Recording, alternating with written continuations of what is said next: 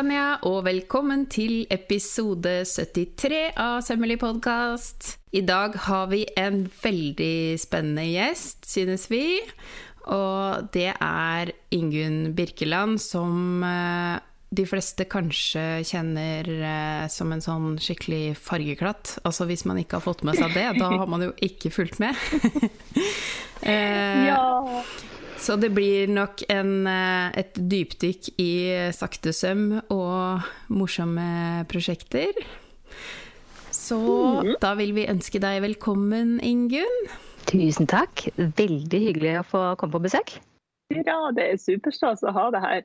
Og vi, før episoden så drev jeg og Mari og prata litt sånn om ja, hvor, hvor, vi har plukka det opp hen, hvis du skjønner. Hvis det høres fornuftig ut. Og da vet jeg jo at Mari har jo liksom fulgt det eh, veldig lenge.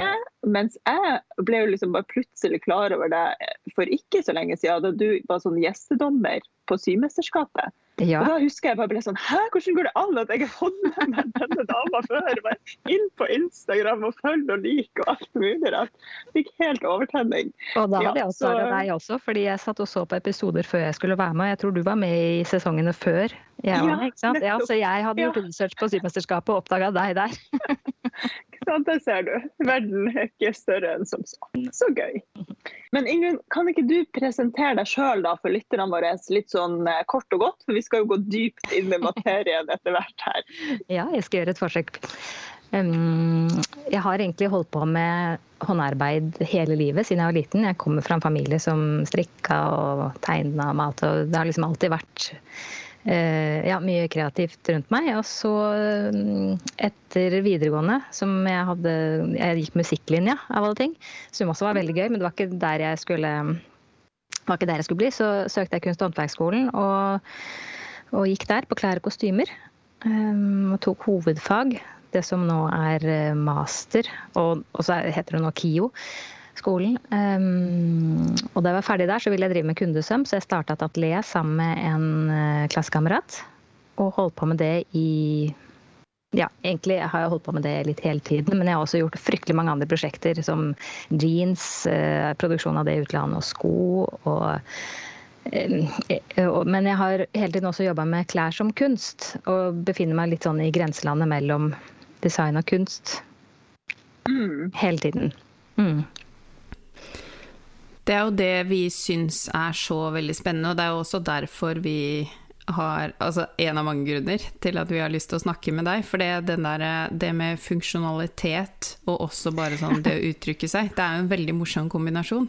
Ja. Og jeg er ikke alltid så opptatt av funksjonalitet. Um, eller sånn. Selvfølgelig er jeg det når jeg, skal, når jeg har drevet med kundesøm, og da må det jo funke. Uh, ellers så har du jo ikke noe jobb. Men uh, derfor så deler jeg opp, sånn at noen ting jeg lager, uh, tenker jeg ikke på det i det hele tatt. Det bare er, Kjoler er som en skulptur. ja. Sånn, men du kan ikke du kan ikke forvente at kundene vil gå i kunsten din til enhver tid. Så, mm, så det, jeg prøver hele tiden å finne en balanse mellom å lage noe folk kan bruke, og lage noe som jeg bare syns er gøy. For å holde motivasjonen og inspirasjonen ved like, da. Ja. Mm. Så, så, i snakkende stund så er på en måte eh, drifta di todelt. En del er liksom vanlige klær, hvis man kan si det sånn, og en del er liksom de kunstneriske prosjektene dine. Ja, todelt syns jeg er litt snaut, faktisk. Er, men, men, la oss si det sånn. Men, ja. Man skal forenkle veldig. ja. ja det, sånn har det vært hele tiden. Så, ja, så liksom, en vanlig dødelig kan komme inn til deg og si hei, jeg vil ha en enkel kjole, og du kan bjuda på. Ja, egentlig så kan man det. Akkurat nå kan det ikke det, for nå er jeg jo inne i et strikkeprosjekt, så nå tar jeg ingen kjolebestillinger i det hele tatt for tiden. Nå eh, ja. lager jeg bukse, så nå bare strikker jeg.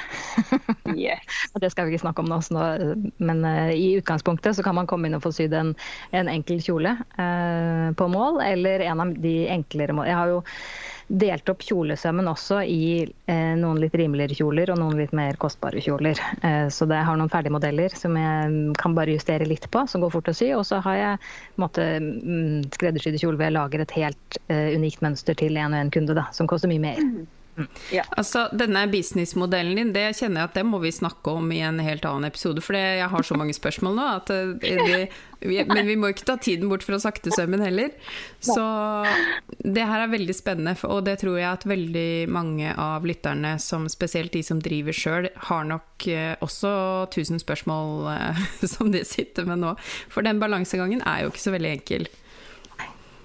Det er den ikke. Den er helt håpløst vanskelig. Og, men hvis man skal få holde på med det man liker, så må man streve for å finne den. Er, eh, for man får ikke bare gjøre kunst hele tiden, eh, selv om man gjerne vil det. Eh, og jeg er ikke sånn som liker å søke penger og støtte. Jeg har fått noe sånn lommeruskstipend tidlig i karrieren, men det tar meg jo mer tid å skrive en søknad enn det gjør å sy en kjole og selge den. Så det har ofte blitt det i stedet, da. Mm. Mm. Veldig gjenkjennelig. Mm.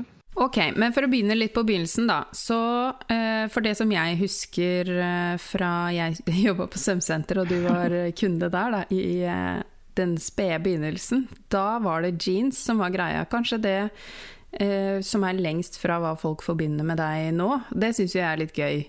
Eh, for da tro, tror jeg du hadde noe som het Oslo-jeansen, og så var det forskjellige modeller med forskjellige Oslo-navn, husker jeg riktig? Du husker eh, nesten riktig. Det het mm. Dongeri OSL. Ja, det var det. Eh, og det hadde bydelsnavn med små historier på innsiden av lommene som var liksom et helt konsept rundt dette her. Og Eh, og det fikk jo mye oppmerksomhet, så jeg ble jo veldig kjent for jeans. da, Noe som var ironisk, fordi da jeg gikk ut fra kunst- og håndverksskolen, så var det med hovedfag i, i, i perlebroderi. og eh, altså Da hadde jeg lagd den første rosekjolen, var jo hovedfaget mitt. sånn det var jo det jeg egentlig drev med. Og jeg fikk jo oppmerksomhet for det òg, men, eh, men, jeg kunne jo ikke leve av det. Eh, og så fikk jeg liksom helt Jeg hørte jo litt på folk sa du må gjøre sånn og må gjøre sånn, og du kan lage det og det for å tjene penger. og tenkte ok, jeg får prøve jeans, da, det er gøy. Akne hadde jo akkurat gjort det stort i Sverige. ikke sant? Tenkte få prøve, prøve det. Mm. Så jeg sydde opp ti modeller på min husmaskin. Fikk god hjelp av en venninne som var tilskjærer, eh, Karin Weststrand. Som da, hadde gått på hodefag sammen med meg. Hun hjalp meg med å utvikle liksom, selve mønsteret som skulle sendes til produksjon. Fordi jeg lag, kan lage mønster, men, eh, men jeg kan, gidder ikke å lære meg å gradere og sånt. Det, det syns jeg er kjedelig. Altså, mm. har gjort det litt, men eh, jeg stoler ikke helt på at det er bra nok for produksjon, så mm. ikke inn henne. Um, og dette her eh, Ja, jeg viste på Oslo Fashion Week uh, og satte i gang en produksjon i Øst-Europa gjennom en agent i Sverige. Som jeg vil si lurte meg trill rundt. Uh, og fikk Nei. 100 Jo, ja, jeg var jo nå i ett ettertid så ser jeg at jeg var naiv eh, og ble med på en avtale som var dårlig. Men, men eh, jeg fikk bestille 100 bukser, da. Eh, så var liksom minstekanta var ganske greit. Så jeg ble jo ikke ruinert, men for meg var det Jeg husker ikke om jeg måtte ut med 20 000 30 000, det var jo ganske mye penger for meg da. Mm. Og fikk bukser tilbake til Oslo og solgte de i en fin liten designbutikk på Grünerløkka som en venninne av meg hadde. Eh, og buksene ble godt mottatt der òg. Folk kjøpte de, og de var ganske dyre. Da kosta de sånn 1750, tror jeg.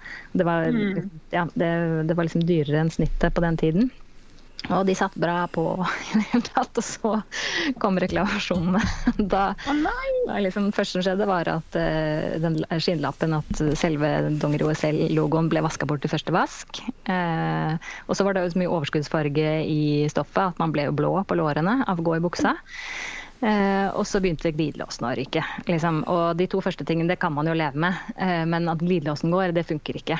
Sånn at, og da fikk jeg Um, ja, så hadde jeg vært på messe, og de i Sverige de, ville, de hadde sagt de skulle gi meg gode avtaler og uh, få det billig og sånn, så endte det med at jeg fikk det jo ikke noe billigere, så jeg måtte betale masse penger for å være med, og jeg hadde jo ikke noe skriftlig kontrakt på det, så da lærte jeg jo det, da.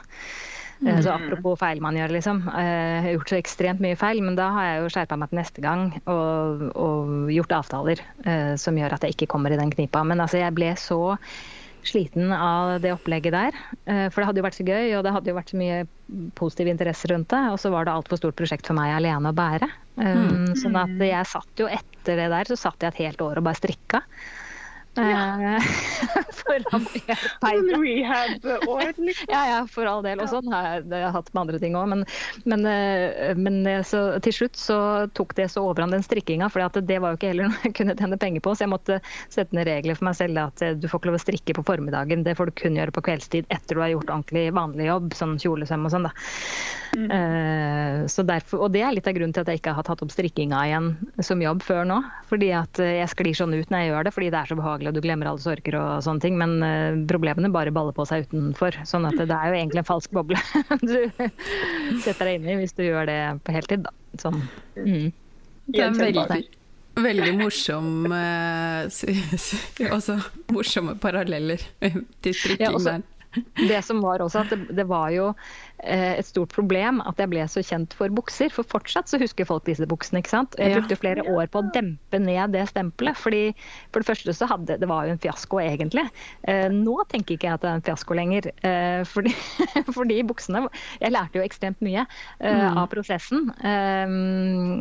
Så, ja, og, og, nå bruker jeg faktisk buksene igjen i stylingen i den boka jeg lager.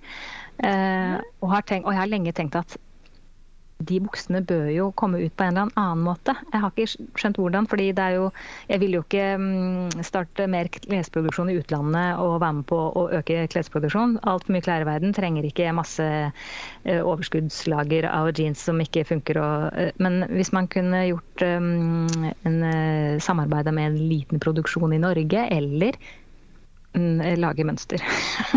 så folk kan sy buksene sine. For det er jo egentlig ja, helt genialt at det er en sånn minikolleksjon som heter liksom, ja, ikke sant, Sagene buksa og, og Grønland-buksa og sånn. Det er jo helt mm. fantastisk. Det aller beste er hvis man lager det selv, ikke sant? sånn at ikke ja. det blir noe svinn. For svinn ja. er jo problemet. Jeg er mm. så ferdig med det. Det er for mye ting overalt. Så at, uh, og produksjon i utlandet, det, er, det, mm, mm, det, er, det, må, det må, gjøres smått.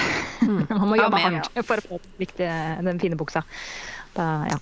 ja. så enig. Ja. Dette kan vi snakke mer om eh, på kammerset, for nå jeg har eh, mange innspill.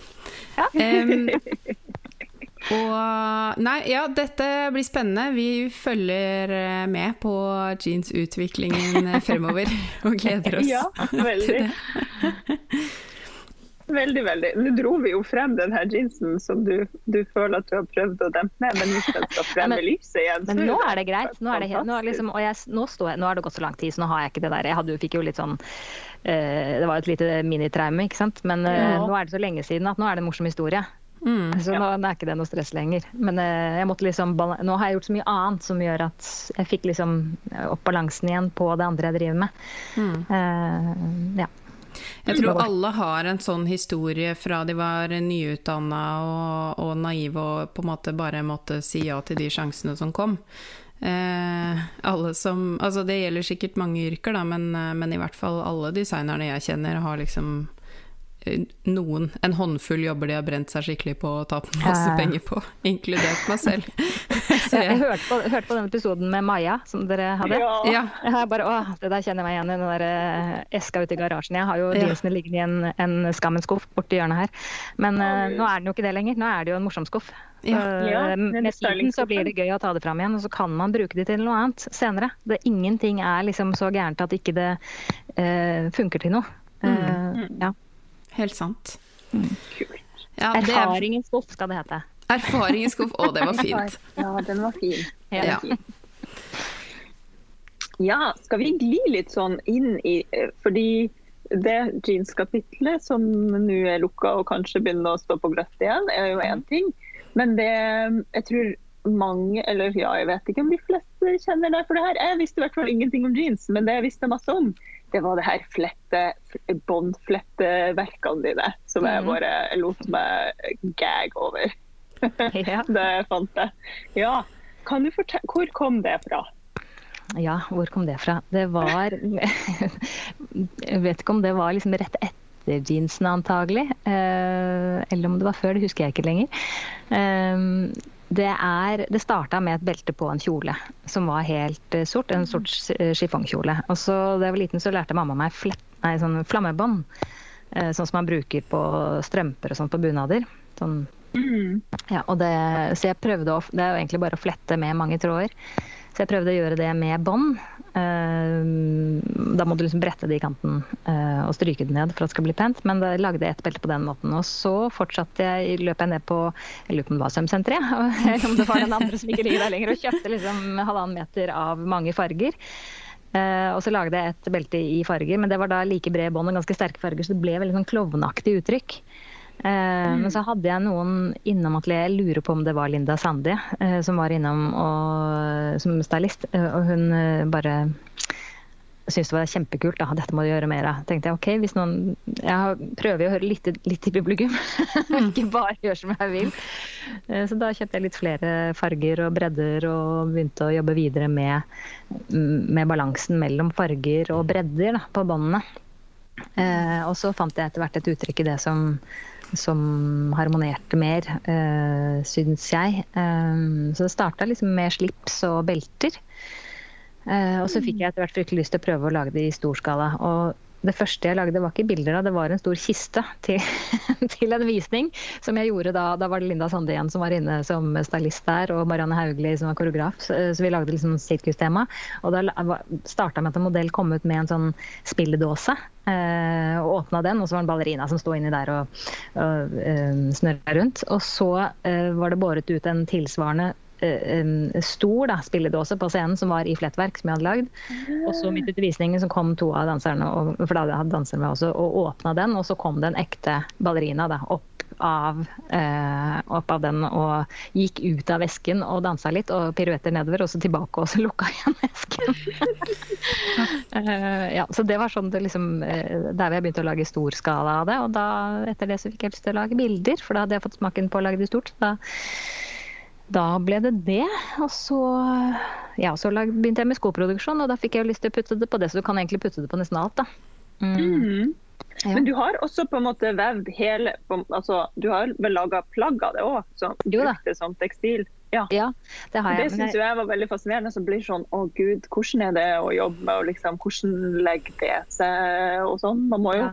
Ja, det er ganske stivt, så det er en del begrensninger på hva det funker til. Um, så jeg har brukt det mest i overdeler på kjoler og på mindre deler, fordi da uh, er det ikke så det er ikke, Hvis det er større deler, så er risken for at det begynner å skli ut etter hvert. Fordi jeg, mm. bruker, jeg syr det jo ikke sammen. Jeg bruker jo limstoff uh, og diverse for å få det til å henge i hop. Og mm. uh, da bør det helst være noen sømmer på kryss og tvers på mønsterdelene for at det skal holde lenge. da.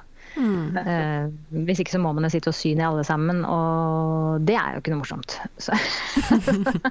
og blir veldig dyrt hvis, sånn i ja, produksjon. Det blir ganske dyrt uansett. Altså, ja. det jo, ja. Um, dette her er jo over i kategorien kunstklær. Det er mm. veldig som bestiller uh, disse tingene. Jeg har jo solgt en del sånn sløyfer til menn og sånn, mm. men bare et slips uh, koster jo 10 500, så det er jo ikke så mange som uh, investerer i det. og det er helt greit. Men mm. det er den tiden det, er, det, tar å lage den, så er det det det koster, da. Så, ja. Men jeg kan godt si, si, mer om hvordan jeg tenker når jeg setter opp flettverket og sånn. Ja, ja, det tekniske er jo også gøy, men jeg tenker at uh, der må jo du kjenne litt på hvor mye du har lyst til å Og du er vel sikkert vant til at folk prøver å etterligne det? ja, jeg er det, det, Men vi kan godt snakke om akkurat nettopp det, at det er ja det er en liten utfordring det der når man holder på sånn som jeg, og nå, enda ja. mer nå etter at jeg har begynt å strikke og lage oppskrifter. fordi da vil jeg jo at folk skal gjøre sånn som jeg har gjort det. Jeg vil gjerne at de skal gjøre akkurat som jeg har gjort også, men jeg har jo skjønt at da vil de gjerne gjøre som de vil. sånn, det må jeg også venne meg til. At nå lager folk sine egne fargekombinasjoner på mitt design. Og det er en mm. del av det å sette oppskrifter. ikke sant? Men, eh, og det, det var litt hardt til å begynne med, så jeg skjønte bare at nei, sånn er det. det. Sånn må det være, for det vil jeg også gjøre hvis jeg skal strikke noe. ikke sant?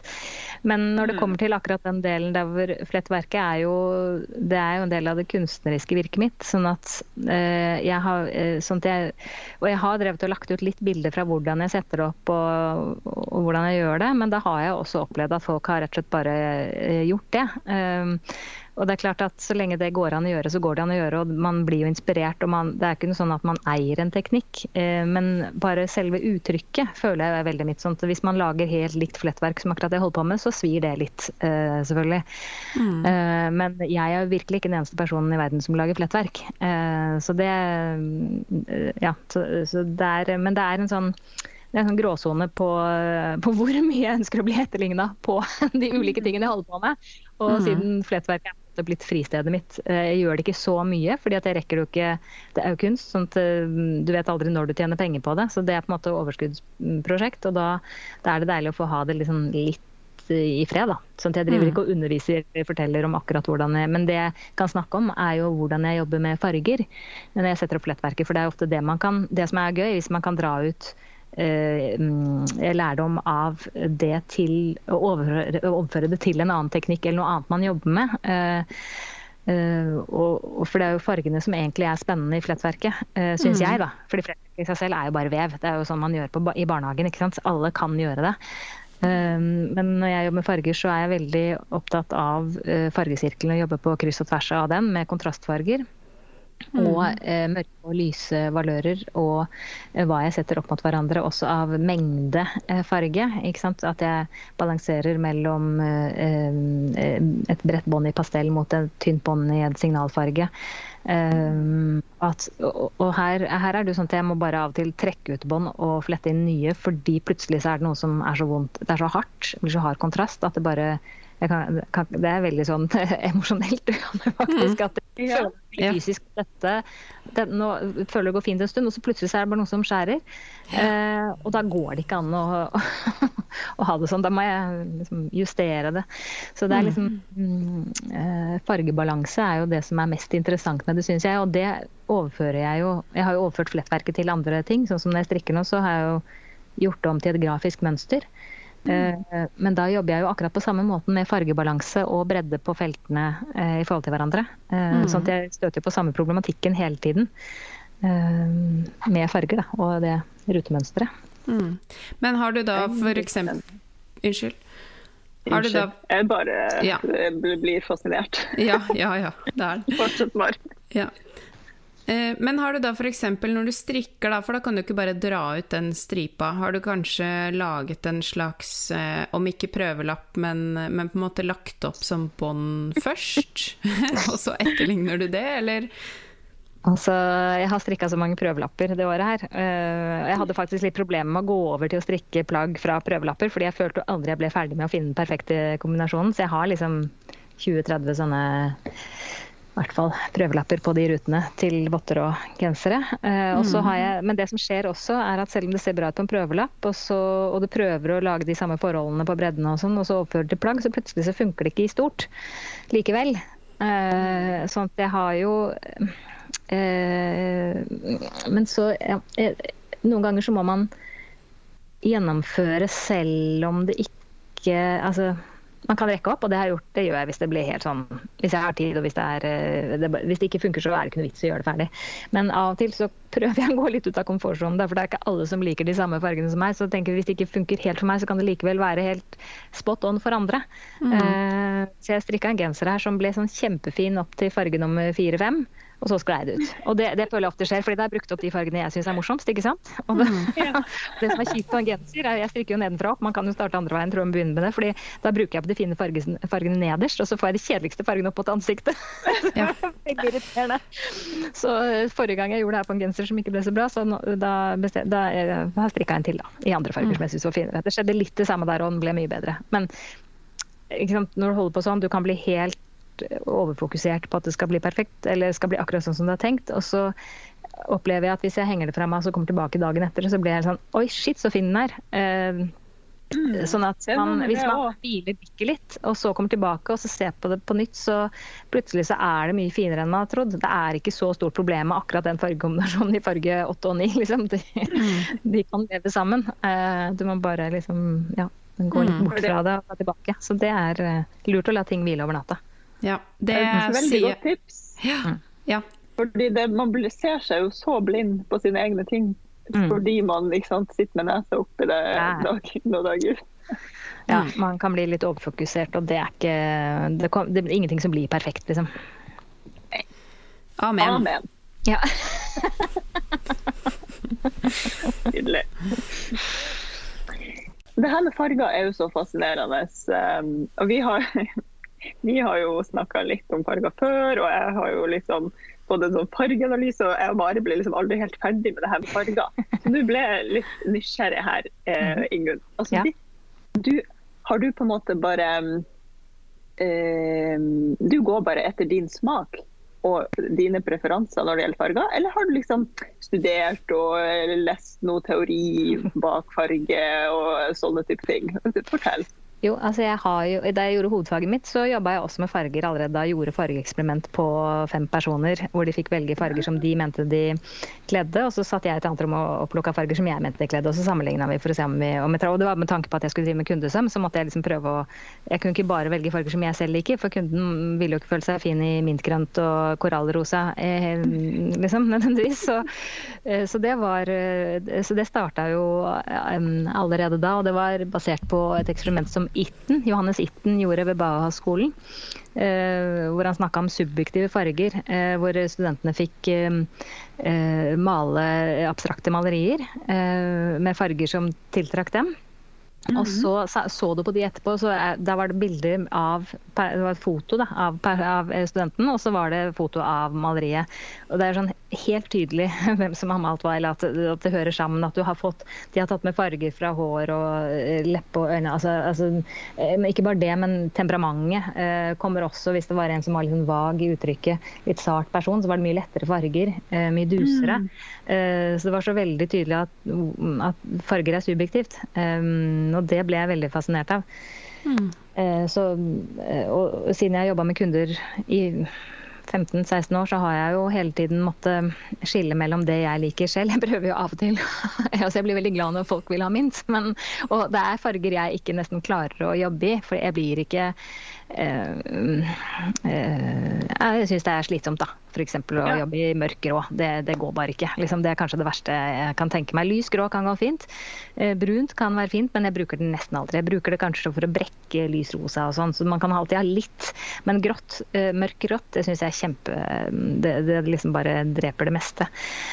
For meg. Men det kan jo mm. passe på andre, da. Ja, strides til leide hvorvidt en grått er en farge. ja. ja. Eh, men jeg har vært opptatt av farger uh, siden barndommen. Da elska jeg å sortere etter uh, sånn fargeskrin, etter regnbuensfarger. Og gikk i bokhandler og så på liksom, både fargene, men også at jeg likte også veldig godt sånn at viskelær som lå liksom sånn i pakkene sine, pakka inn pent etter hverandre. og så repetisjoner, da.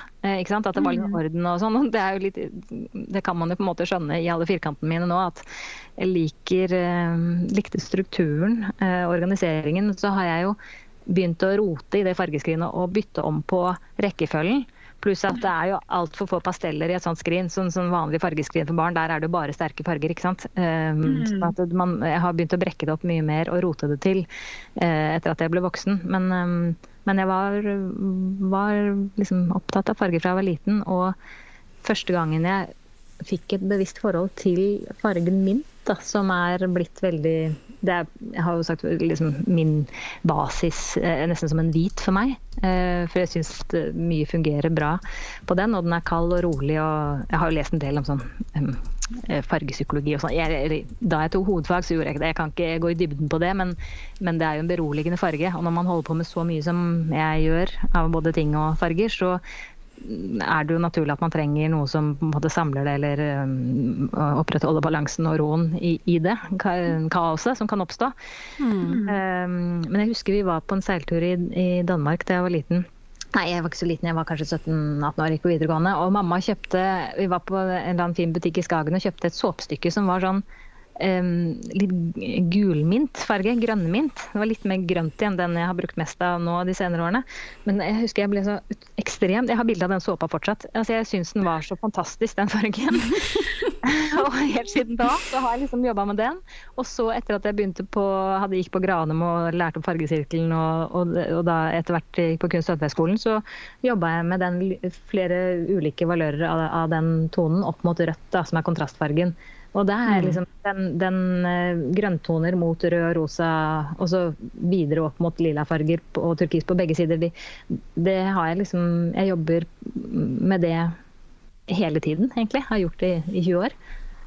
Mm. Mm. Veldig gøy.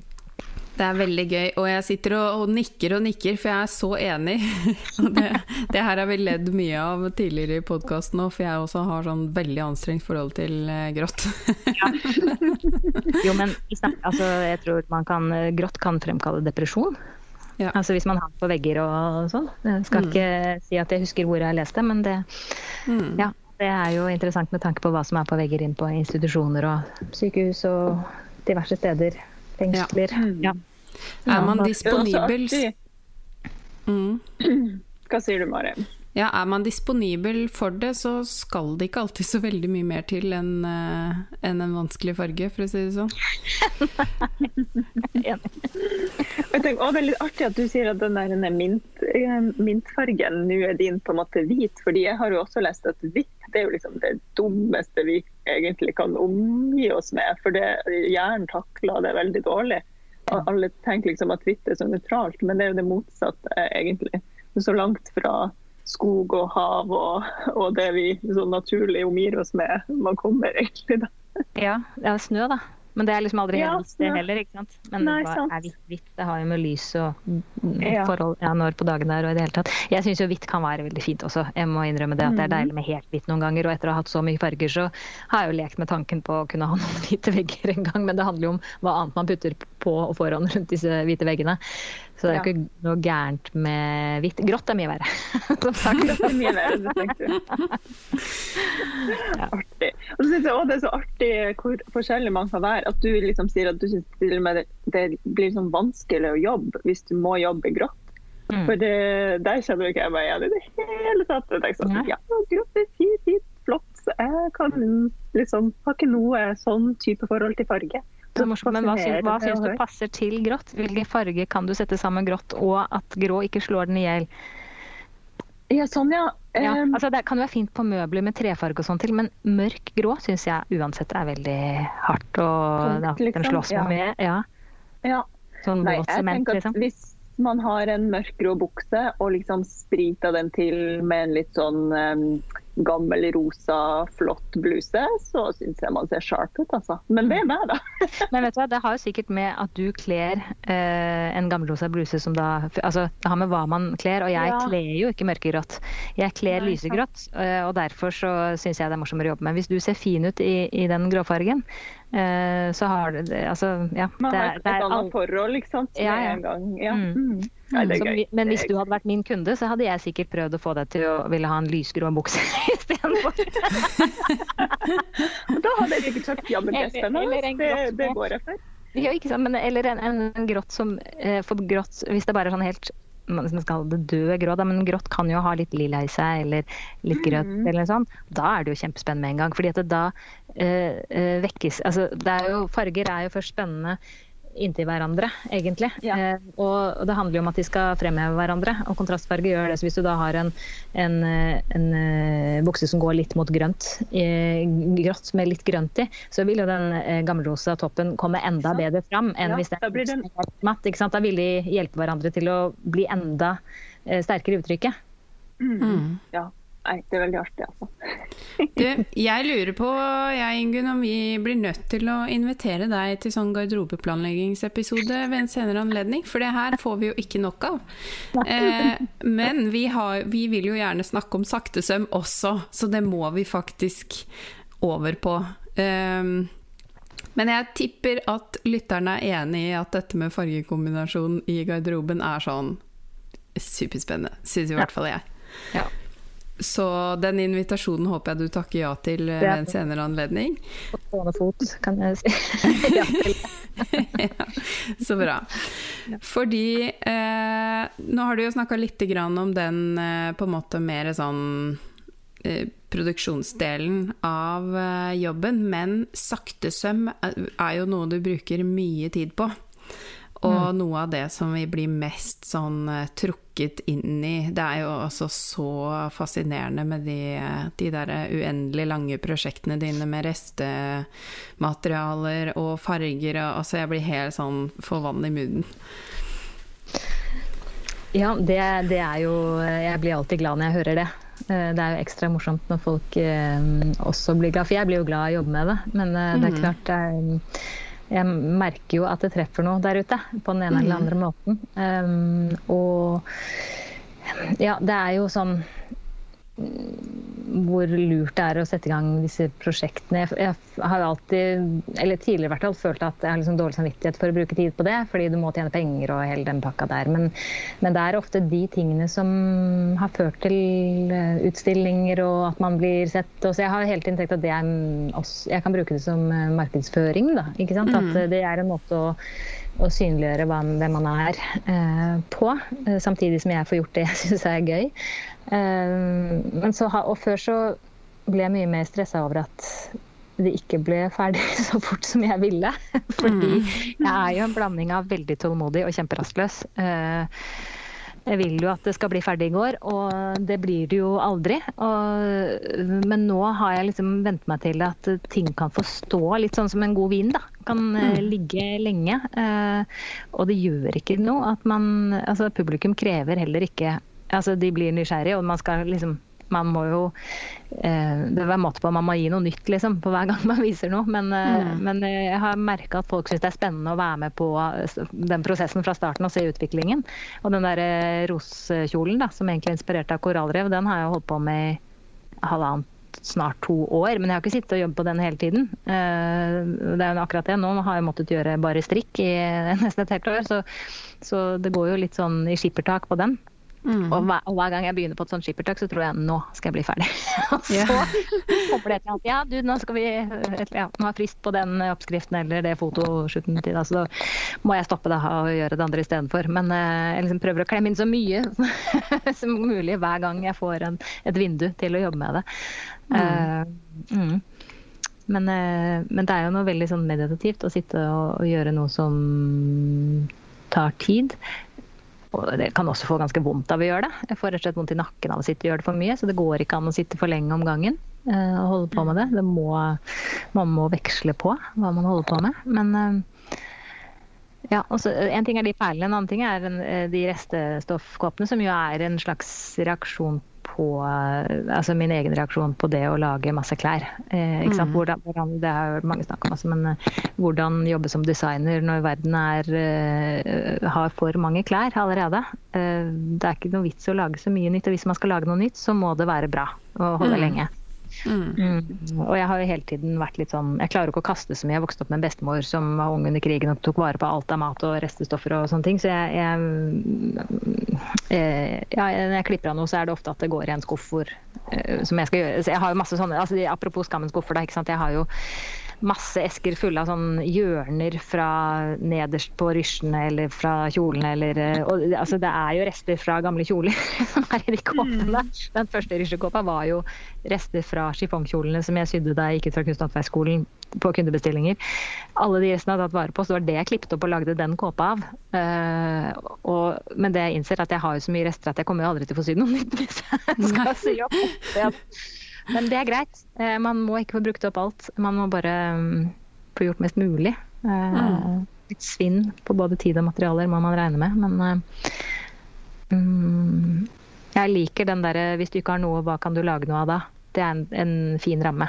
Uh, morsom utfordring. Hva har du i skuffene som kan lage noe fantastisk av? Mm. Ja, den er fin. Enig. Ja. En, en liten utfordring til de som hører på. Hvis Ja.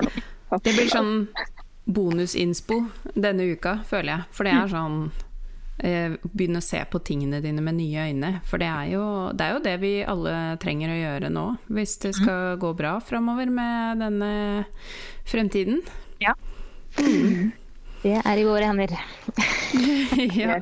Og du, altså det du bruker disse restene til Du har jo eh, ganske mange sånne intrikate teknikker du bruker, men samtidig så ser vi at det er veldig mange av de samme tingene som går igjen. Det er jo flettverk, uh, har vi jo vært inne på. Altså den uh, rose Det er jo en eller annen sånn slags rynkedott greier som du syr på en base, vil jeg tro. Du har vel noen sånne gjengangere av teknikker du, du, liker å bruke?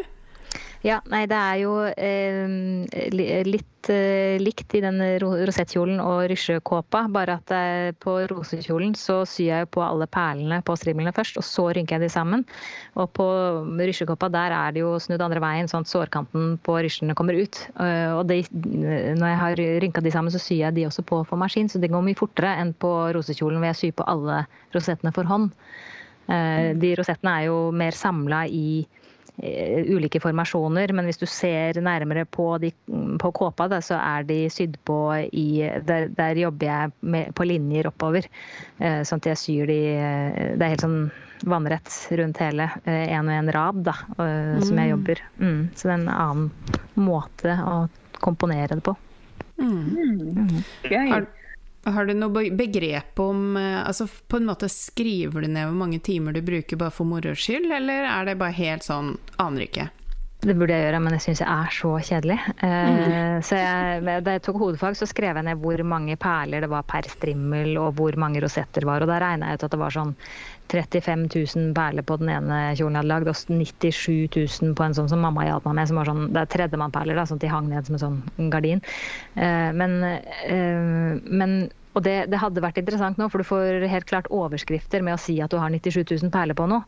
Det tar bort mm. hele gleden ved å skape det. Så jeg tenker at ja. uh, her får folk telle selv. Uh, ja. jeg, jeg, er kommet for langt i livet til at jeg gidder å gjøre den delen. Veldig forståelig. Ja. Det var mer Men jeg har andre sånn... ting da jeg har sånn uh, Kåpa veier 11,5 kilo. Uh, så det, er andre måter å Ja, du kan gi ja, noen harde fakta. Herregud. Ja, ja, men, det tar, det tar, tar ca. en halv time per rosett, da. Det gjør det. Mm, eh, ja. Sånn fra den er klippet, eh, brodert og rynka sammen og montert på, så tror jeg det er ca. en halvtime per rose. Mm. Mm. mm. Det er jo veldig, veldig, håndfast eh, informasjon. Hvis man da er interessert, så kan man jo klare å, å finne ut hvor mange rosetter det er og regne seg derfra. Ja, man bare komme og telle hvis noen ja. vil det. Og det er sånn fra 80 til 150 perler per rosett, avhengig av hvor lange de er. Ja. det må da finnes et sånt kamera som kan eh, liksom eh, klare å plukke opp hvor mange perler eller mange prikker det er på en Det må jo være ja. utvikla et eller annet som kan plukke opp det der digitalt nå? Ja, ja det regner jeg med. Det er jo et annet materiale kanskje i perlene som, som, den kan plukke opp. Når den blir eh, kjøpt inn av et stort eh, museum med masse penger, så kan de bruke et sånt kamera ja. for å telle det. Mm. Ja, nettopp. Yeah. Mm. Nå sa du, eh, nå la jeg meg merke i at du sa etter hver strimmel er klipp Mm, For da, ja. Vi er jo sånn nerd at vi syns det er artig å høre liksom, hva foretrekker du av saks Jeg foretrekker saks! ja, hurra. Nei, rullekniv det er jo noe forferdelige greier. Altså, det får sånne bilder i hodet. Jeg er ikke så glad i kniver og sakser og spisse ting, fordi at uh, Ja, altså, jeg har jo kutta av meg litt Ikke en hel finger, altså, men jeg kutta litt av fingeren med sånn tapetkniv en gang, og det er bare det er, Nei, det er ekkelt. Uh, så, sånn, og sånn rullegreier Jeg har det fordi mamma ga meg sånn utstyr til jo, jeg har jo lagd en del sånn lappeteknikk også, eh, på møbler og greier eh, opp igjennom. Og da når mamma hjalp meg med det, så likte ja, da er det veldig greit å skjære, da. Eh, mm. Da skal det jo være helt eh, nøyaktig. Eh, så jeg har det, men den ligger godt inne i emballasjen sin. Jeg vet ikke akkurat hvor den er, for jeg syns det er rett og slett ikke sånn inngytende gjenstand. jeg er helt enig. Kan ikke ha den i øyesynet. Nei, nei, nei. Liksom. nei. Skjønner. Og da leder det egentlig til neste litt sånn korte, snertne spørsmålet. Hva er favorittverktøyet ditt mm. når du sitter på atelieret?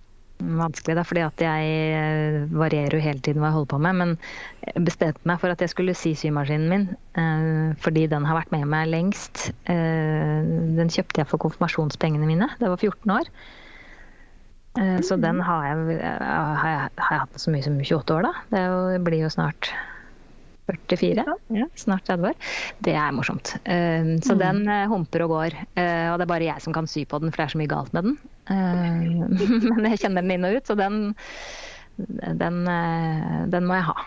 Selv om jeg har andre maskiner også, så må jeg liksom den, Det er bestevenn, liksom?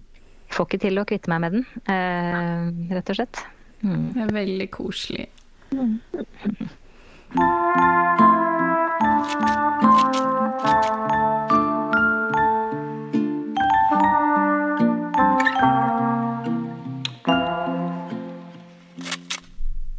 så når vi først er litt inne på det her praktiske, da. Eh, er det en game changer for deg? Altså et verktøy eller en teknikk eller en tanke? Eh, et eller annet som på en måte eh, hadde mye å si da, for veien videre i, i virket ditt? Mm, ja, eh, kanskje mest en erfaring etter prosjekter, da.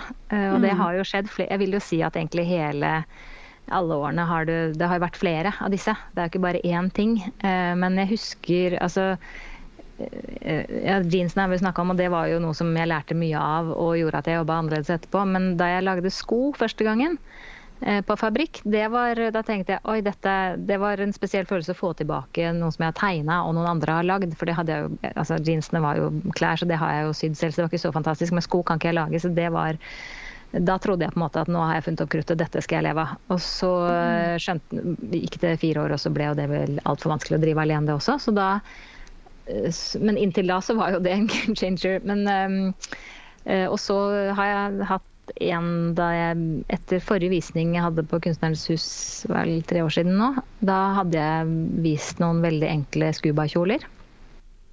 Som var liksom den lille sorte som alle kan bruke. Så etter det så solgte jeg så mye kjoler som jeg aldri har gjort før. Uh, og det, da viste jeg jo masse sånn store, fantastiske sånn, Eller hører det Jeg er ikke blyg. Store, store kjoler med masse perler og masse håndarbeid på, da. Etter mitt syn veldig fantastiske. men, det, men det er jo museumsgjenstander. Det er jo ikke sånn som folk Jeg skjønner jo at det ikke det er ikke meningen at folk skal kjøpe det. Uh, men, uh, så jeg hadde jo lagt inn de andre kjolene med vilje for å ha noe salgbart også. Men jeg fikk altså så utrolig mye bestillinger det året. Jeg tror jeg sydde åtte kjoler eller noe sånt på atelieret, og jeg sydde jo alt selv. Og da har du jo åtte personer innom da, som skal prøve disse kjolene, så det er jo ganske mye oppfølging. Mm. Eh, men jeg tenkte liksom nå har jeg knekt en nøtt, nå har jeg endelig klart å lage en kjole som er rimelig nok, og den er brukbar, eh, og det bare det går av seg selv. Men jeg ble jo så sliten. Eh, og så ble jeg faktisk kopiert av en kunde. Av men kunde? Ja, og det var jo også en erfaring som altså, en ting er at folk blir inspirert og gjør lignende ting. Det, sånn er mm. moteverden, og sånn, det skal man jo også. Altså, Innen strikk det gjør man det jo det skal man jo bare gjøre det andre gjør. Så, så liksom, de grensene er vage. Men det her var en kunde som jeg ikke kjente fra før, som kom inn og kjøpte fire kjoler, og som starta en eget merke. Og et halvt år etterpå så hadde hun lagd eh, en kolleksjon med en av min, den mest bestselgeren min, da. Med noen små, noen små forandringer. Eh, og da, ja, ja. Det, det var det, så, men eh, så da tenkte jeg at OK, hvis det er så lett, eh, da er kanskje det er på tide å se litt på hva, hva jeg holder på med. Pluss at jeg eh, hadde allerede ganske lenge slitt litt med at disse kjolene var sydd i syntetisk materiale. Mm. Uh, og nå er ikke syntetiske materialer uh, utelukkende dårlig. Uh, og fordi, det er ikke bare fordi det er rimeligere at man bruker dem, men de har jo mange gode funksjoner som du kan vaske i maskin, du kan ta det i kofferten, de kan vare lenge. Ehm, sånn at det, eh, det, var jo kvalitetsmaterialer selv om, eh, som holdt seg bra eh, lenge. Og da er det ikke sånn at det er fy-fy for enhver pris å bruke det. Men jeg følte like, det ble jo en del rester, og jeg klarte ikke å bruke opp alt det. Så jeg begynte å kjenne på at fra å være en som utelukkende jobba med naturmaterialer da jeg gikk ut fra skolen, så hadde jeg gått over til nesten bare å jobbe med syntetiske materialer. Mm. Og det var mye for å møte kundens behov på pris og brukervennlighet. Uh, og jeg trodde jo med disse kjolene at nå har jeg virkelig funnet noe som funker. Men uh, det føltes bare ikke riktig å stå uh, og fortsette med det. jeg måtte, ja. Så jeg hadde allerede begynt å tenke litt på at jeg skulle hvordan kan jeg forandre dette, kan jeg finne andre materialer? Men jeg, var uansett begynt å bli litt sliten igjen av kundesøm, da, for det blir jeg jo etter en sånn periode. Det går i rykka opp. I noen år kan jeg sy kjoler, og så må jeg bare stoppe helt med det og bare finne noe annet å leve av i, eh, eller jobbe med. Fordi det er ganske utmattende mentalt også å stå med mm. kunder. Um, og så en stund etter dette så kom jo korona, og da var det jo veldig passende å ikke ha flere bestillinger. Så, og jeg var allerede i gang med dette strikkeprosjektet fordi jeg hadde gjort uh, hadde uh, designa for Rørostid, disse pleddene. Mm. Uh, ullpleddene. Uh, og de har jo garn fra Rauma. Det er jo samme familie som driver disse to stedene. Og, så da hadde jeg, vet du hva, der tror jeg jeg så deg, Mari, sist. Eh, jeg tror ikke vi snakka sammen da, på den strikkefestivalen ute på Bygdøy. Ja. ja! Der tror jeg at jeg så deg, men jeg var der med mannen min som da allerede hadde holdt ut å sitte på kafé mann Ja. blant masse strikkedamer. Som satt sånn tett, tett, tett, tett. Så det var liksom, vi måtte, det var liksom Han syntes det er interessant å være med, men det var på en måte en, ja. en Terskelen var nådd.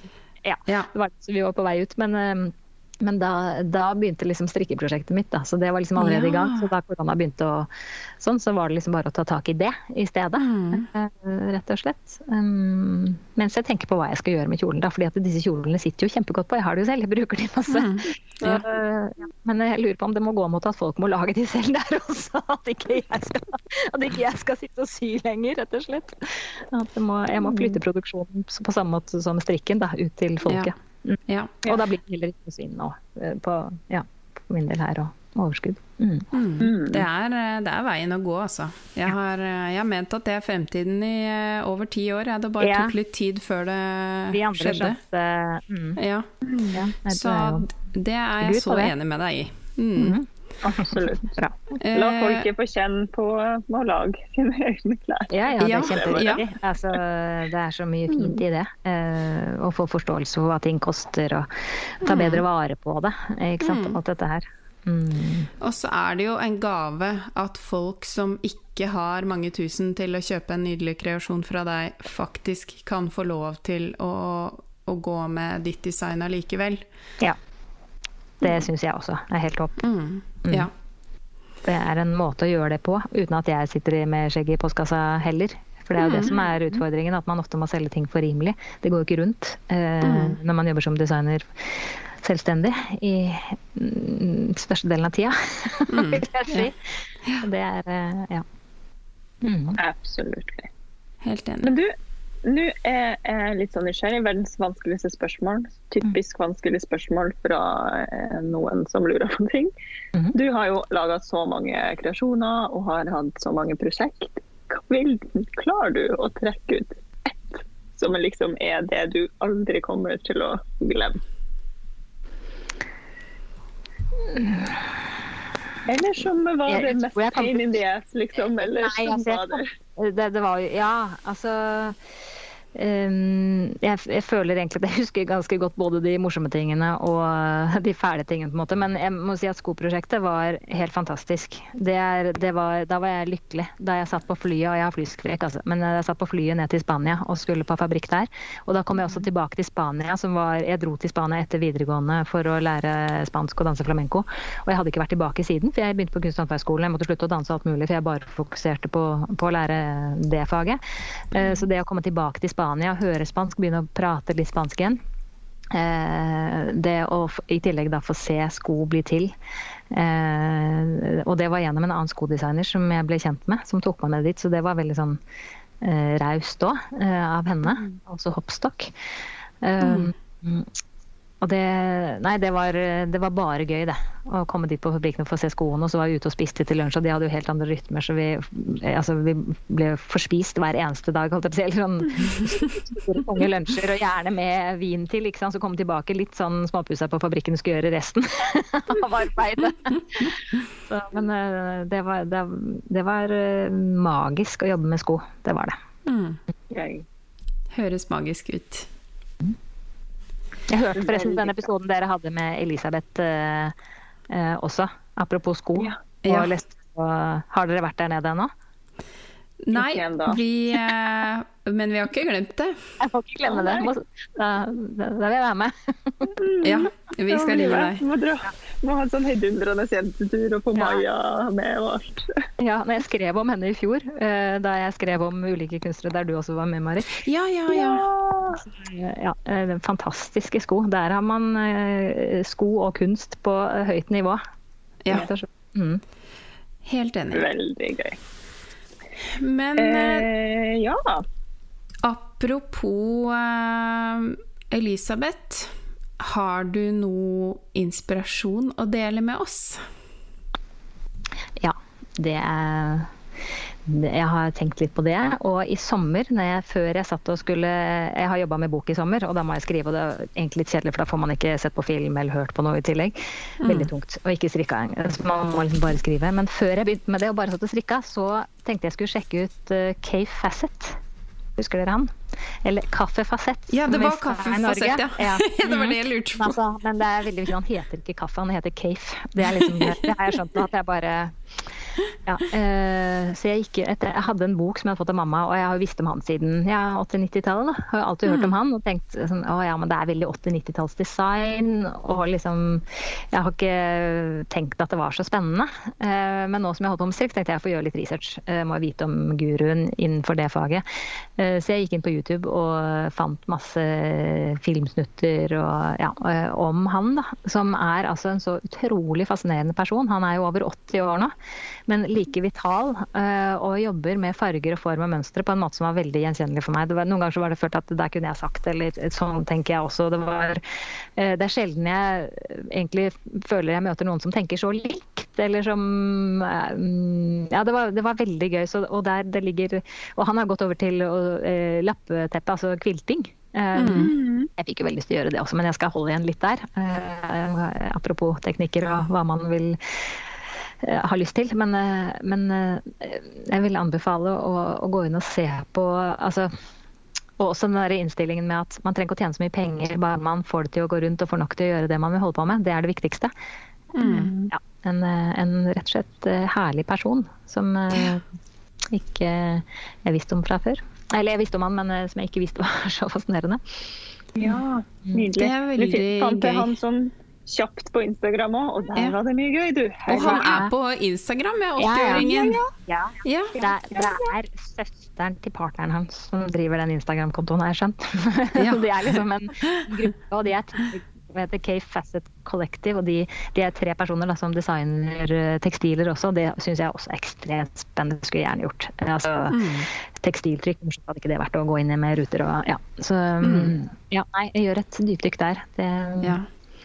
Kjære venner, ja, nå er jeg på et bilde av en sånn rag-rug med mm. en kål i alle slags høstens farger. Jeg dør.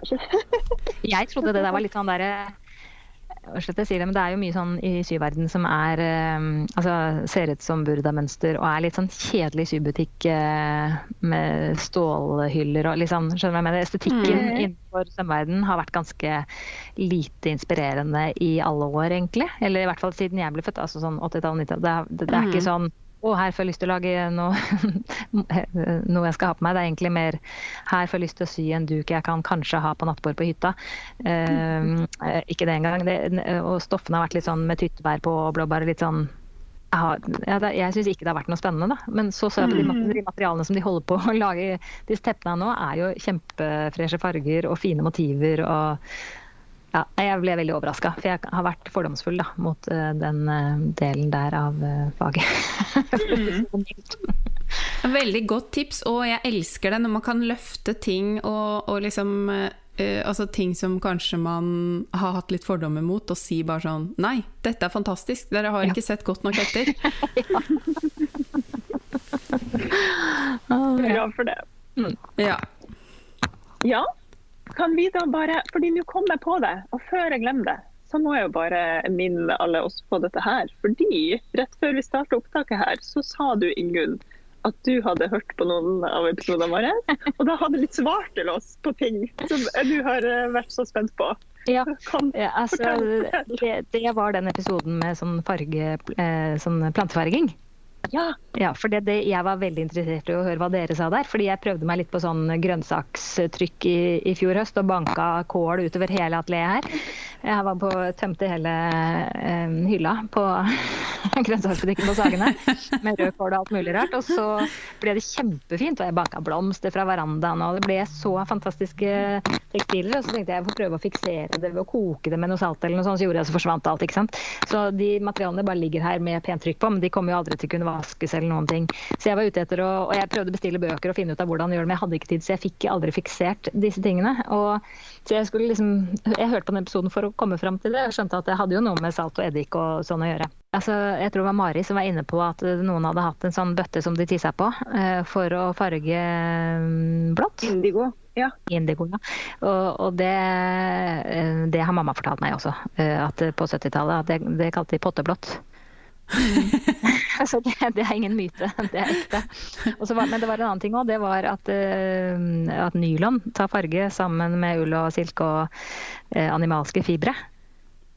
Og det tror jeg at Mari og jeg har gått på samme kurs på kunst- og håndverksskolen ja. der. Så jeg var, eh, det der husker jeg også, for jeg var veldig fascinert av at du kunne putte oppi fiskesnøer og sånne syntetiske tråder, og så ble det sånn kjempefin farge. Så det stemmer òg. Ja. Det var et kurs på fargeri der. Jeg gikk inn i permen min her nå med en som het Johanne Lund Næss. Ja, vi hadde det eh, samme som vi hadde. Ja, ikke sant. Eh, og der står det i teksten på fargekurset bruker vi syremetallkompleksfarger fra Zenit. Disse fargene er godt egnet til animalske fiber, dvs. Si alle slags ull, silke, hårfiber og nylon. Mm. Ja. Og fordi at vi Ja, dette her kjenner jeg at vi må jo tilbake inn i farging eh, snart. For ja, nå har jo jeg farga med indigo til og med siden sist. Ja. ja. Ja. Ah, ja. Så gøy. Ja, jeg, jeg, har en historie fra dere, Skal dere spørre meg om den feilen også? Ja. Ukas feil? Ja. Passer det også inn nå? Det passer veldig bra i nå. Fordi at jeg skulle lage en, en, eh, en kjole. Jeg skulle faktisk lage denne kjolen som uh, Märtha gikk med. Og da fant ikke jeg riktig farge til skjørtet. Og jeg hadde ganske eh, kort tid, så jeg ville ikke bestille fra utlandet. sånne ting, Så jeg, jeg, spurte en venn om jeg kunne få komme og farge på et fargeri som han holdt til på. Eh, og da skjedde det mye rart både, det, eh, i den prosessen der. Men eh, jeg hadde da kjøpt sånn ti meter med silke. Hvit silke. Og satte i gang og lagde, eh, lagde prøver da, på minttoner. Eh, og så skulle jeg farge selve stoffet. Og så gjorde jeg altså en kommafeil. Endte med å farge ti meter ganske sånn knall grønt stoff istedenfor. Og da var jo skaden gjort, så jeg måtte jo bare dra tilbake og kjøpe ti meter silke til og flytte komma og gjøre hele prosessen på nytt. Men uh, det var eh, Tenk hva Altså, vil man lære om kommafeil på, på skolen? Det derre drep ham, ikke vent til jeg kommer. Ja. Jeg følte at den, den tok jeg på fargeriet, da. Ja, men jeg fikk jo veldig Jeg har jo laget en fin tunika av den uh, silken etterpå, så det, ja, det, alle feilene kan jo brukes til noe. Ja, det er jo det som er så, ja, det er det som er så spennende med feil òg, og det er jo derfor vi gjerne vil hente dem fram. Fordi at mm. uh, enten så kan andre få en sånn å ja, å, det skal ikke jeg gjøre. Eller så er det sånn Å, men da skjedde det noe helt fantastisk som endra livet mitt. Nei, feil må man ha. Det er viktig. Ja. ja. Mm. Ja, og da er det jo egentlig bare den siste, den siste litt sånn nye trudelutten vi uh, har satt i gang. Og det er jo å spørre hva du har i skammens skuff. eller mulighetens skuff. Eller her har jeg skrevet en liste, og der er jo Ja, fordi som jeg sa, altså hele alt jeg holder på med, er jo på en måte en skammeskuff. Jeg bare ser ikke på det som skam. Eh, det er veldig mm. viktig å ha variasjon. Og ehm, jeg tror det er sunt også å, drive, å bytte litt på. Mm. Uh, sånn at jeg, jeg, har, jeg, har, ikke så mye sånn uh, angst og skam rundt det der å la ting stå litt og ta det opp igjen. For jeg vet at på et eller annet tidspunkt så får jeg lyst til å gjøre det ferdig. Det har på en måte erfaringen vist. Um, sånn at uh, Nå har jeg f.eks. en halvferdig billedvev stående på arbeidsbordet, og jeg har en påbegynt sånn rye, for det skal jeg begynne å lage mønster på og selge også. Sånn ryer til å ha på veggen helt et mønster. Så den, men den har nå ligget et år fordi jeg har strikka. Men jeg, jeg ser på den, da. Så jeg tar, tar den ikke bort. Og så det som er viktig for at ikke man skal glemme ting, er jo å legge det i veien sånn at man hele tiden blir påminnet på det. Bortsett fra hvis det irriterer deg så mye at du bare du har ikke noe fin dag, for du, står og, liksom, du, du blir minna på hver dag at det er noe du ikke har klart å fullføre. Da må du legge det bort. Mm. Uh, men uh, så lenge det gir glede, så må det bare ligge der. Og så må man bare akseptere at ting tar tid, og det er helt greit. Liksom. Det er ikke noe mm. Ja, man får gjort masse. Man må bare være fornøyd med det man får gjort. Um, Mm. Ja, nei, så jeg har jo denne rosekjolen da, som står her. Um, og så har jeg noen broderier, og jeg har sånn én, to, ti strikketøy. Uh, Men det er viktig, fordi at uh, der må man variere for å Jeg får vondt i nakken hvis jeg strikker bare på én type pinner eller bare vrangbordeller, så det er veldig viktig å variere på type strikketøy mm. for å spare kroppen. Så har jeg en del broderier, og så har jeg jo uh, x antall vintagekjoler i skapet som jeg skal sy om på, sånn at de passer til meg. Mm. Eller brodere litt på eller et eller annet. Sånn at hvis man åpner nesten en hvilket som helst skap eller skuff hos meg, så finner man noe som burde vært gjort, da. Men jeg har skapdører og skuffer å putte de hvis jeg ikke vil se på det, og da gjør det ikke så vondt. Liksom, det er en måte å Man må liksom balansere hvor mye man skal ha framme. mm. ja. ja. Mm. Men du kan jo tro at veldig mange der ute ble veldig glad i ørene sine av å høre ja. Og fikk ja. litt sånn tenk, Skuldrene tenka seg, ja. hvilepulsen kom Men altså, tilbake. Hvis man, har, hvis man har kommet hjem gjennom denne uh, skammens kofta eller alle disse prosjektene, da er jo egentlig livet over. Sånn at, uh, jo, men det er jo det. jeg tenker det at Hvis jeg ikke har et prosjekt som jeg har lyst til å gå til, eller noe så, og det kan godt gnage litt òg, det er ikke noe farlig at ting gnager. Liksom, det er bare å gjøre noe annet gøy litt. Altså, så lenge man ikke overdriver og bruker det som en sånn unnskyldning for å ikke gjøre noe som er vanskelig, man må gjøre de vanskelige tingene også. Men det er kjempeviktig å gjøre noe som er gøy. Jeg starter ofte med noe som er gøy først, sånn at jeg får opp motivasjonen. Og så legger jeg det i, liksom, i nærheten sånn at jeg ser det og gleder. Hvis jeg skal gjøre regnskap, da. Det, er, jeg fortalt om før at jeg, eh, det syns jeg er helt pyton. Men da kan jeg kanskje starte på en kjole eller et strikketøy eh, litt på morgenen. Og så tar jeg frem regnskapet eh, og gjør ferdig dem. Da har jeg det strikketøyet liggende i nærheten, sånn at jeg ser det og gleder meg til å gå tilbake til det. Fordi at da er jeg motivert til å bli ferdig med det kjedelige for å få lov å gjøre det gøy igjen. Men det er viktig å liksom sette i gang det som er gøy, for det er ikke alltid du har krefter når du er ferdig med det kjedelige til å starte på noe gøy og morsomt. Så det er liksom alltid ha noe du kan som er i gang, da, som du kan gå lett inn i. Sånn på slutten av dagen hvis du ja, eh, det er egentlig litt fordi man har hatt andre typer jobber å komme hjem hvis man skal begynne på et prosjekt. Altså, du har ikke krefter igjen, og da får du ikke gjort noe. Da blir man bare lykkelig. Men hvis du har gjort klart et strikketøy dagen før, uh, sånn at det bare er å fortsette på det, så er det mye lettere å få noe ut av de timene og få opp liksom inspirasjonen. da. Dette er så gode. Ja, ja. Den der å komme seg inn i et hyggelig gir Mm. Og når man først er i det giret, så kan man gå over på regnskapet. Det tar jeg ja. med meg videre. Altså, ja. Fordi det mm. regnskapet kan ta men, gleden av alt. Ja, men man må gjøre regnskapet også. Så man, hvis man er redd for at jeg, jeg, kan jo da liksom bli sittende og strikke, og så bare tyne regnskapet til neste dag. Og det har jeg gjort mange ganger. Men da har jeg en alarm, og da istedenfor å ta bort den alarmen, så flytter jeg den til dagen etter. Sånn at jeg blir minna på det dagen etterpå. Helt til jeg faktisk må gjøre det og ikke har mer tid igjen. Da. Sånn at man, eh, du må liksom ikke la ting gå i glemmeskuffen fordi du gjør noe gøy. Da, da, går, da, går, det gærent. Ja. Du må liksom på et eller annet mm. tidspunkt ta det, men da er det greit. Jeg hørte Maria at du har um, alarmer for ting. Jeg har ikke kanskje så mange som deg i løpet av en dag, men jeg setter alltid på alarm hvis det er noe jeg er redd for å huske, og det er gjerne de tingene som er kjedelige. Da er jeg redd. ja, ja. ja. ja. De, de, er helt umulige, men da høres det ut som du har et godt system hvor du da av, uh, utsetter alarmen til dagen etter, men jeg slumrer den sånn at den gnager helt til jeg har gjort det, og det er veldig dumt. Men, men uh, det skal jeg også si at et annet sånt uh, For det var, det var jo egentlig et mye lurere tips det du hadde med strikketøy, for det som jeg gjør hvis jeg skriver bok, da. Det har ikke gått med denne boka, dessverre. Men jeg har pleid å sette meg på kafé, og så får jeg lov til å kjøpe et kakestykke eller en annen type belønning ja. for hver milepæl. Ja, ja. Belønning er viktig. det blir veldig dyrt, så da strikket du egentlig mye lurere. Eller en sånn derre 'nå kan du få lov til å sy et kvarter', eller ja, ja. Det, det er jo egentlig mye lurere. Ja, man, Belønninger er kjempeviktig. Det lærte vi på skolen, faktisk. Eh, I praktisk næringslivstilpasning. Hadde du også det? Nei, du, vi hadde jo altfor lite av det. Så jeg, det at jeg har drevet eget firma i over ti år, er jo helt utrolig. For jeg er jo ikke skikka i det ja, hele tatt. Det var, det var, ikke noe sånn hvordan sette opp regnskap og sånn. Det var mer på nei. hvordan forholde seg til kunder og si fra i tide hvis du ikke rekker det, sånn at de har mulighet til ja. noe annet. Og rydde opp etter deg med en gang. Liksom. Hvis du gjør en feil. Ja ta tak i det, bare få det unna, si unnskyld og si da kan vi gjøre det sånn istedenfor. Altså, øh, ja, øh, nei, nå skulle jeg si noe annet om det, men nå glemte jeg det. Hva var det vi snakka om rett før det?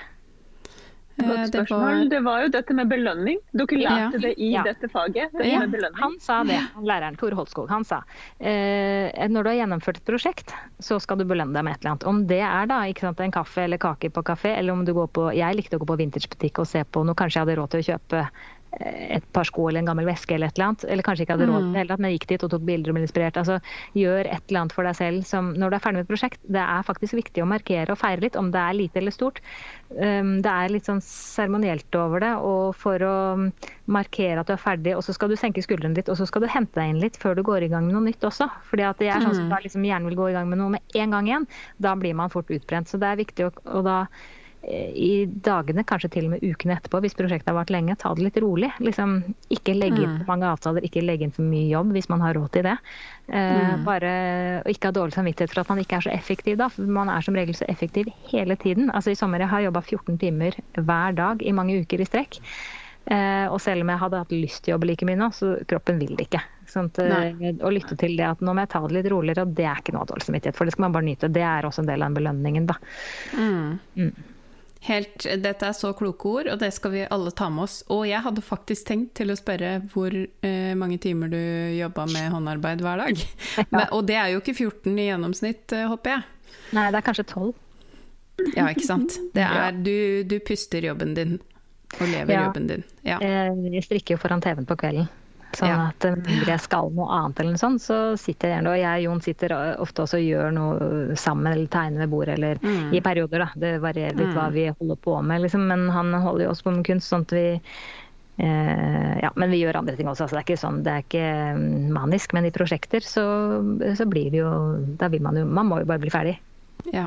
Da er det jo også vesentlig å ha en partner som skjønner det der eh, når det giret er slått på. Fordi ja, ja. det er jo ikke alle som gjør, så det er jo fantastisk at dere kan jobbe parallelt.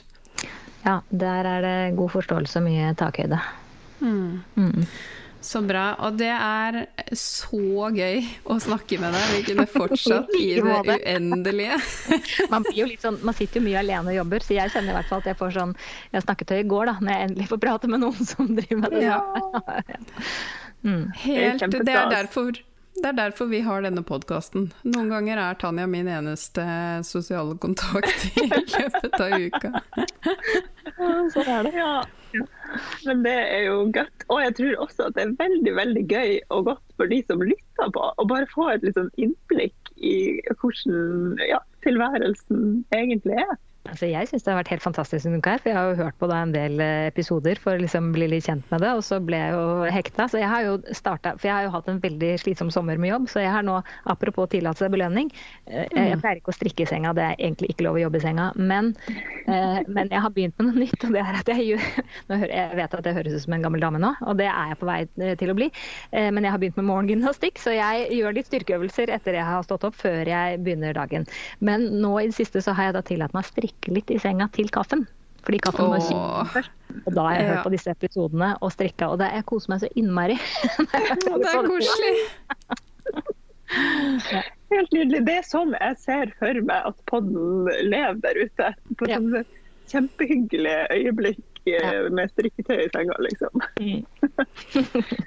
veldig romantiserende. Hvis ikke jeg bekrefter det, det er jeg veldig ja. fornøyd med. Ja, det er helt fantastisk. Jeg kan også røpe at jeg tar ofte kaffekoppen i, i senga, og det, eh, det, er min lille sånn belønning når jeg har fått alle ut av huset. Så pleier jeg å gå tilbake i senga. Jeg har ikke gjort det så mye det året her fordi det har vært så mye jobb, men, men egentlig så har jeg pleid å ikke kle på meg engang før jeg har sagt ha det til alle. Det er alltid litt flaut når naboen skal på jobb og jeg fortsatt kanskje sier ha det i trusa ute, men ja. det er greit. Også, for da kan jeg løpe opp igjen med kaffekoppen og leke at det er akkurat å våkne og drikke kaffe i senga. Ja. Da, må jeg bare, da må jeg bare også fortelle. Jeg har òg hatt en sånn periode med litt sånn eh, gamlemor-morgengymnastikk. Mm. Det starta med litt styrkeøvelser, gikk ganske kjapt over til mer sånn strekkøvelser. Og etter hvert så dabba det ut i strikking, rett og slett. Jeg bare, min beste trening det er bare å sitte og strikke i de 15 minuttene, liksom. Men det som er grunn, grunn, grunnen til at jeg måtte starte med det, var jo fordi jeg hadde fått vondt i ryggen og magen ja. av å sitte og strikke et helt år. Så jeg kunne ikke ikke gjøre noe. Jeg var helt nødt til å ta tak i det. Hvis ikke så hadde ja. ikke jeg hatt Jeg har ikke selvdisiplin på det området. Jeg, kan, altså, jeg liker å like etter trening, det er jeg glad i. Men under og før, det liker jeg ikke. Sånn at uh, det er jo bare fordi jeg måtte. Uh, sånt nå har jeg faktisk klart å holde meg til det i mange måneder. Uh, og jeg har ikke noe vondt lenger. Sånn at mm. nå må jeg bare fortsette. Så nå er jeg sånn Trim foreldre skal bli min nye eh, morgenrutine. Har du hørt eh, Yoga for deg som syr eh, e-, episoden som er blitt laget i forbindelse med podkasten? Ikke... Nei, den skal vi tipse om. Ok. Men vi må jo rett og slett avslutte, fordi nå har vi kosa oss og kosa oss, og har, vi kunne sikkert fortsatt en time til, vi er null problem. Ja, må spare litt på kruttet. Vi ja. må det. Ja. Så... Tusen hjertelig takk for besøket, Ingunn. Det har vært helt uh, fabelaktig å ha deg med. Veldig, veldig koselig. Helt fantastisk. Og hvis folk vil uh, følge deg, så finner de deg på Instagram. Mm -hmm. Du heter også Ingunn Birkeland der. Jeg heter Ingunn Birkeland Oslo, og så har jeg en egen for strikk som heter Ibo-strikk. Hvis man bare vil se det, da. Veldig bra du spesifiserte det. Mm. og da må vi bare si takk for i dag. Takk for i dag. Takk for i dag.